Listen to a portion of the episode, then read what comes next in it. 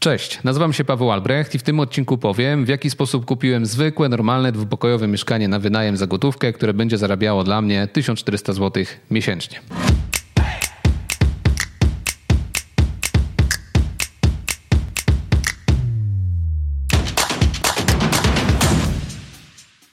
Tym odcinku powiem o czymś zwyczajnym o normalnym zakupie mieszkania na wynajem. Często na tym kanale mówimy o dużych projektach, o flipach, czyli o handlu mieszkaniami, mówimy o gotowcach inwestycyjnych, o podziale mieszkań na mikrokawalerki, właśnie o dodawaniu dodatkowych pokoi, z których mamy dodatkowe pieniądze za wynajem. Tutaj historia jest prosta. Mam dwupokojowe mieszkanie, 43 metry, które zostanie normalnie wynajęte jako całość e, i będę dostawał z tego po prostu 1400 zł miesięcznie. Dlaczego zdecydowałem się na taki ruch?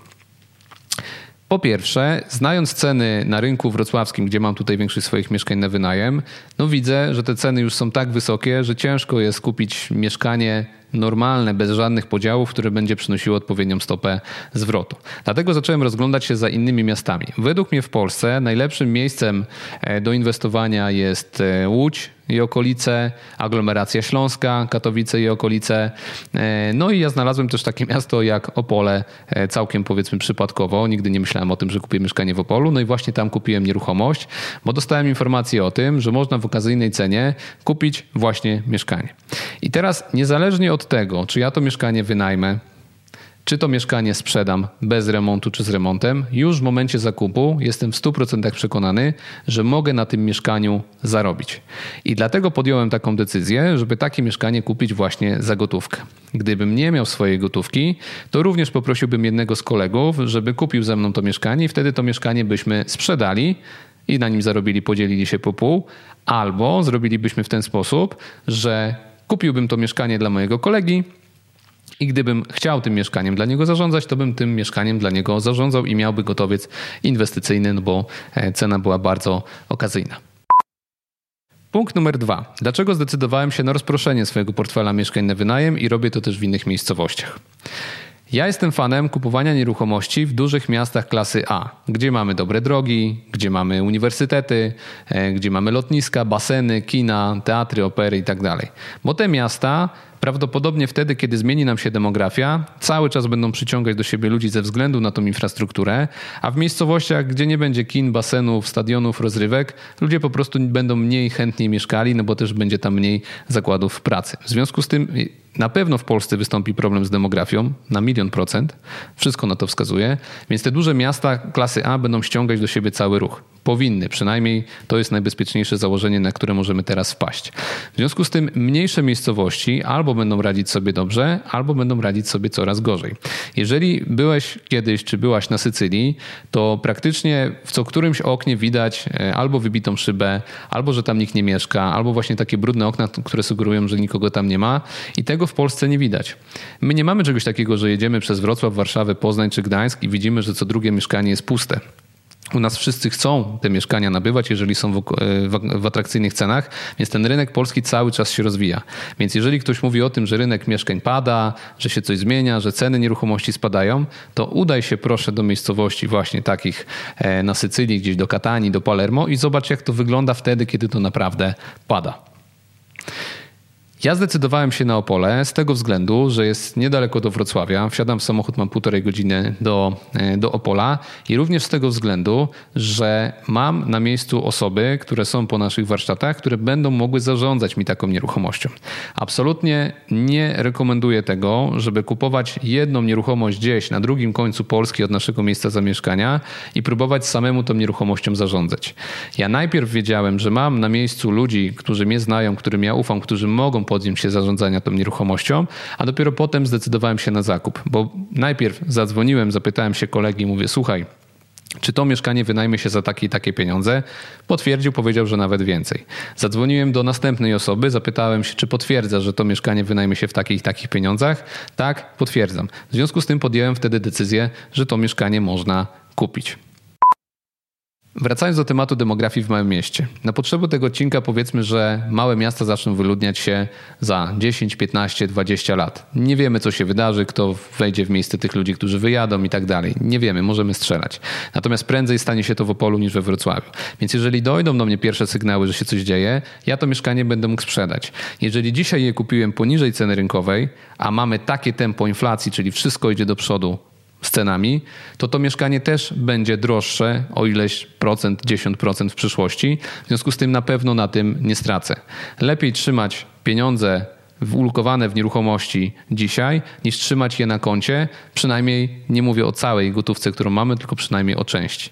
W związku z tym nie boję się, że coś się wydarzy w takiej miejscowości z mieszkaniem na wynajem, bo w każdym momencie będę mógł taką nieruchomość sprzedać.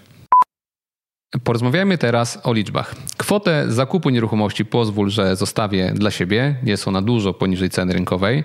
Natomiast jeżeli chodzi o sam metraż mieszkania, to mamy 43 metry, dwa pokoje, osobną kuchnię, osobną łazienkę. Takie mieszkanie w Opolu można wynająć za 1300, 1400, 1500 zł miesięcznie plus rachunki. Mnie interesuje kwota, powiedzmy, do założeń 1400 zł miesięcznie plus rachunki, które płaci najemca i to mnie nie interesuje, to nie trafia do mojej kieszeni. Jeżeli mam 1400 zł i podpiszę z najemcą umowę na czas określony na 12 miesięcy, to dostanę około 16 tysięcy złotych e, w ciągu roku. Jeżeli będę sam zarządzał tą nieruchomością, to na tym stracę. Jeżeli ktoś prowadzi dużą firmę i wycenia swój czas na godzinę, ja miałbym dojechać z Wrocławia do Opola przynajmniej raz w miesiącu, pojawić się kilka razy w roku nawet w Opolu w tym mieszkaniu, to ja stracę więcej pieniędzy niż jest warte ten czynsz, który będzie do mnie spływał, bo w tym czasie nie będę zarabiał pieniędzy, tylko będę stał w korku na autostradzie w jedną, w drugą stronę, mam półtorej godziny, stracę cały dzień, żeby tam przyjechać, przykręcić żarówkę.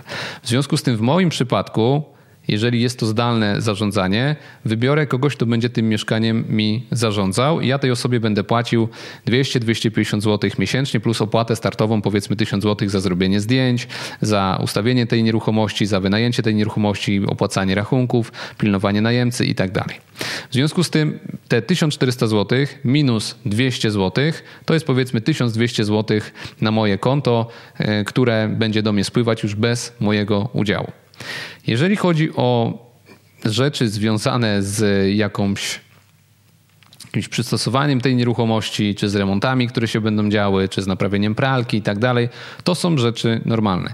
Najemca płaci sam za to, co zniszczył. Jeżeli najemca czegoś nie zniszczył i zepsuło się to samo, no to wtedy te rzeczy idą na mój koszt, no bo ja jestem właścicielem nieruchomości. Czyli jeżeli tynk odpadłby ze ściany sam po prostu, no bo budynek, coś się stało z budynkiem, to ja muszę za to zapłacić. Natomiast jeżeli najemca celowo coś uszkodził, no to po prostu on kupuje to za swoje pieniądze i nasza ekipa może to zamontować montować, natomiast on płaci fakturę za tą usługę tego montażu i tak to po prostu wygląda. Jeżeli psuje coś, najemca płaci za siebie, jeżeli coś się dzieje nie z jego winy, ja płacę za to i to jest proste i bardzo uczciwe, jest to zapisane w umowie. Wiadomo, że takie mieszkanie trzeba będzie raz na jakiś czas odświeżyć, natomiast nie jest to jedno, jedyne moje mieszkanie na wynajem, w związku z tym ja z tych wszystkich mieszkań na wynajem, które mam, mogę wyciągnąć sobie jakiś taki fundusz remontowy po 50, po 100 zł z jednego e, mieszkania z każdego, zebrać to do kubki, no i z tej kubki pokrywać takie właśnie drobne rzeczy jak naprawa e, pralki, wymiana pralki, kupno nowej lodówki i tak dalej, więc to jest wliczone po prostu w najem. W związku z tym, gdybym chciał to mieszkanie dzielić na mikrokawalerki, dodawać kolejny pokój, robić jeszcze jakąś inną zmianę, wydałbym kilkanaście, kilkadziesiąt tysięcy złotych na adaptację. Dzięki temu zarabiałbym kilkaset złotych więcej. Natomiast tutaj sytuacja jest taka, że mieszkanie jest już przystosowane do najmu, wprowadzam tam po prostu najemcę i on już przynosi mi pieniądze na konto co miesiąc, bo mieszkanie jest kupione za gotówkę. Poza czynszem, który mamy teraz do płacenia 500 zł miesięcznie, nic tam się e, nie dzieje. Ubezpieczenie takiej nieruchomości kosztuje między 200-300 zł na cały rok i tyle. Kolejna sprawa. Czy zakup tej nieruchomości za gotówkę to był najlepszy ruch finansowy, jaki mogłem wykonać? Absolutnie nie. Jeżeli sprzedałbym dzisiaj tą nieruchomość i zarobił na niej 50 tysięcy złotych, to to są 2-3 lata zysku z najmu tej nieruchomości. No więc pytanie, po co trzymać tą nieruchomość przez dwa lata i ją wynajmować, jeżeli można ją sprzedać i od razu zarobić tyle, ile ona przyniesie przez dwa lata? Ano właśnie dlatego, że nieruchomości to nie jest najlepszy sposób na zarabianie pieniędzy. nieruchomości. To jest najlepszy sposób na odkładanie pieniędzy. Ja to nazywam zapisywaniem gry. Jeżeli grałeś w jakąkolwiek grę, i masz jakikolwiek progres w tej grze, to zapisujesz grę na pewnym etapie. Masz checkpoint, czyli grasz przez 30 minut, dochodzisz do jakiegoś miejsca i jak zginiesz, to zaczynasz od tego miejsca. Po to moim zdaniem są głównie nieruchomości. Prowadzisz biznes, pracujesz na etacie wiele lat, masz zdolność kredytową, masz jakąś gotówkę, kupujesz mieszkanie i co by się nie stało, to przynajmniej od tego momentu ty i twoja rodzina zostaje z tą nieruchomością w tym miejscu. Przez 20 lat kupujesz cztery nieruchomości, jedną na 5 lat, więc po 20 latach to, co ci zostało, niezależnie od tego, co się zadzieje z rynkiem pracy, masz przynajmniej cztery nieruchomości, które nawet gdybyś miał sprzedać za pół ceny, i tak sprzedasz je za pół ceny. W związku z tym nieruchomości są idealne do zapisywania gry, a nie do tego, żeby na tym zarabiać. Tak jak mówię, dzisiaj sprzedaję nieruchomość, zarabiam 50 tysięcy, to są dwa lata zwrotu z najmu. Dlaczego tego nie robię? Bo mnie 50 tysięcy złotych nie usatysfakcjonuje. Musiałbym zrobić z 5, 6, 7 takich flipów, żeby kupić sobie kolejne mieszkanie na wynajem, powiedzmy już we Wrocławiu. No i do czego mi to jest potrzebne, skoro już mam to mieszkanie na wynajem. W związku z tym, jeżeli jesteś na początku swojej drogi i chcesz pomnażać kapitał, to tutaj warto się zainteresować e, biznesem po prostu, który przynosi pieniądze. Czy to będą flipy mieszkaniowe, czy to będzie sklep internetowy, czy to będzie cokolwiek innego, to trzeba zarabiać gotówkę, ale tą zarobioną gotówkę trzeba w pewnym momencie gdzieś lokować, żeby sobie tą grę zapisywać. Dlatego ja zrobiłem taki ruch i kupiłem takie mieszkanie. Jeżeli będzie taka potrzeba, będę potrzebował gotówki e, z tej nieruchomości, którą mam tam ulokowaną tą gotówkę, to mogę e, poprosić bank o pożyczkę hipoteczną, wyciągnąć z tego na przykład 50%, no i te pieniądze mogę użyć na dowolny cel, który będzie mi aktualnie potrzebny. Podsumowując, zakup zwykłego, normalnego mieszkania to nie był najlepszy ruch, ale myślę, że przy obecnym tempie inflacji, jeżeli wpada mi do ręki jakaś okazyjna nieruchomość, to warto to kupić i potem zobaczyć, co dalej z tym będzie się działo. Na koniec taka myśl. Jeżeli chcesz nabywać nieruchomości dla siebie na wynajem i nie wiesz, jak się za to zabrać, no to jest kilka rzeczy, które trzeba zrozumieć, żeby kupić dobrą nieruchomość. Po pierwsze, jeżeli chcesz kupić nieruchomość dla siebie, to musisz zacząć od końca, czyli od tego, kto w tej nieruchomości będzie mieszkał i ile będzie za to płacił i ilu jest chętnych, żeby w danej lokalizacji mieszkać. Czyli jeżeli jeden z Twoich znajomych powie, że chce mieszkać w tej nieruchomości, on ją od Ciebie wynajmie, to zastanów się, czy takich znajomych, czy obcych ludzi jest zdecydowanie więcej, którzy będą tam mieszkać niż tylko jedna osoba. Po drugie, musisz się rozeznać w cenach, za ile na danym osiedlu, w danym bloku wynajmuje się taką nieruchomość. Po trzecie, musisz znać się na typach nieruchomości. Mamy bloki deweloperskie, bloki z cegły, bloki z płyty, kamienice, różne typy ogrzewania, prąd, gaz, miejskie. Musisz wiedzieć, co z czym połączyć, żeby to było najbardziej atrakcyjne mieszkanie dla najemców. Oczywiście dla większości najemców najbardziej komfortowy będzie nowy budynek deweloperski z ogrzewaniem miejskim, e, czy solidny budynek z cegły z ogrzewaniem miejskim, a najgorszym na przykład będzie stara, zła płyta lub stara, brzydka kamienica z ogrzewaniem na prąd czy na gaz. Tak? Więc tutaj tą kombinację trzeba znać i rozumieć. No jeżeli chodzi o standard mieszkania na wynajem w środku, no to jest zwykła Castorama IKEA, to jest standard IKEA. Tutaj nie ma co przesadzać. Najemcy to akceptują jak najbardziej. Jest to normalne, żeby mieszkać w mieszkaniu z meblami z IKEA. Nie ma tutaj nic nadzwyczajnego, więc nie ma co przesadzać z remontem.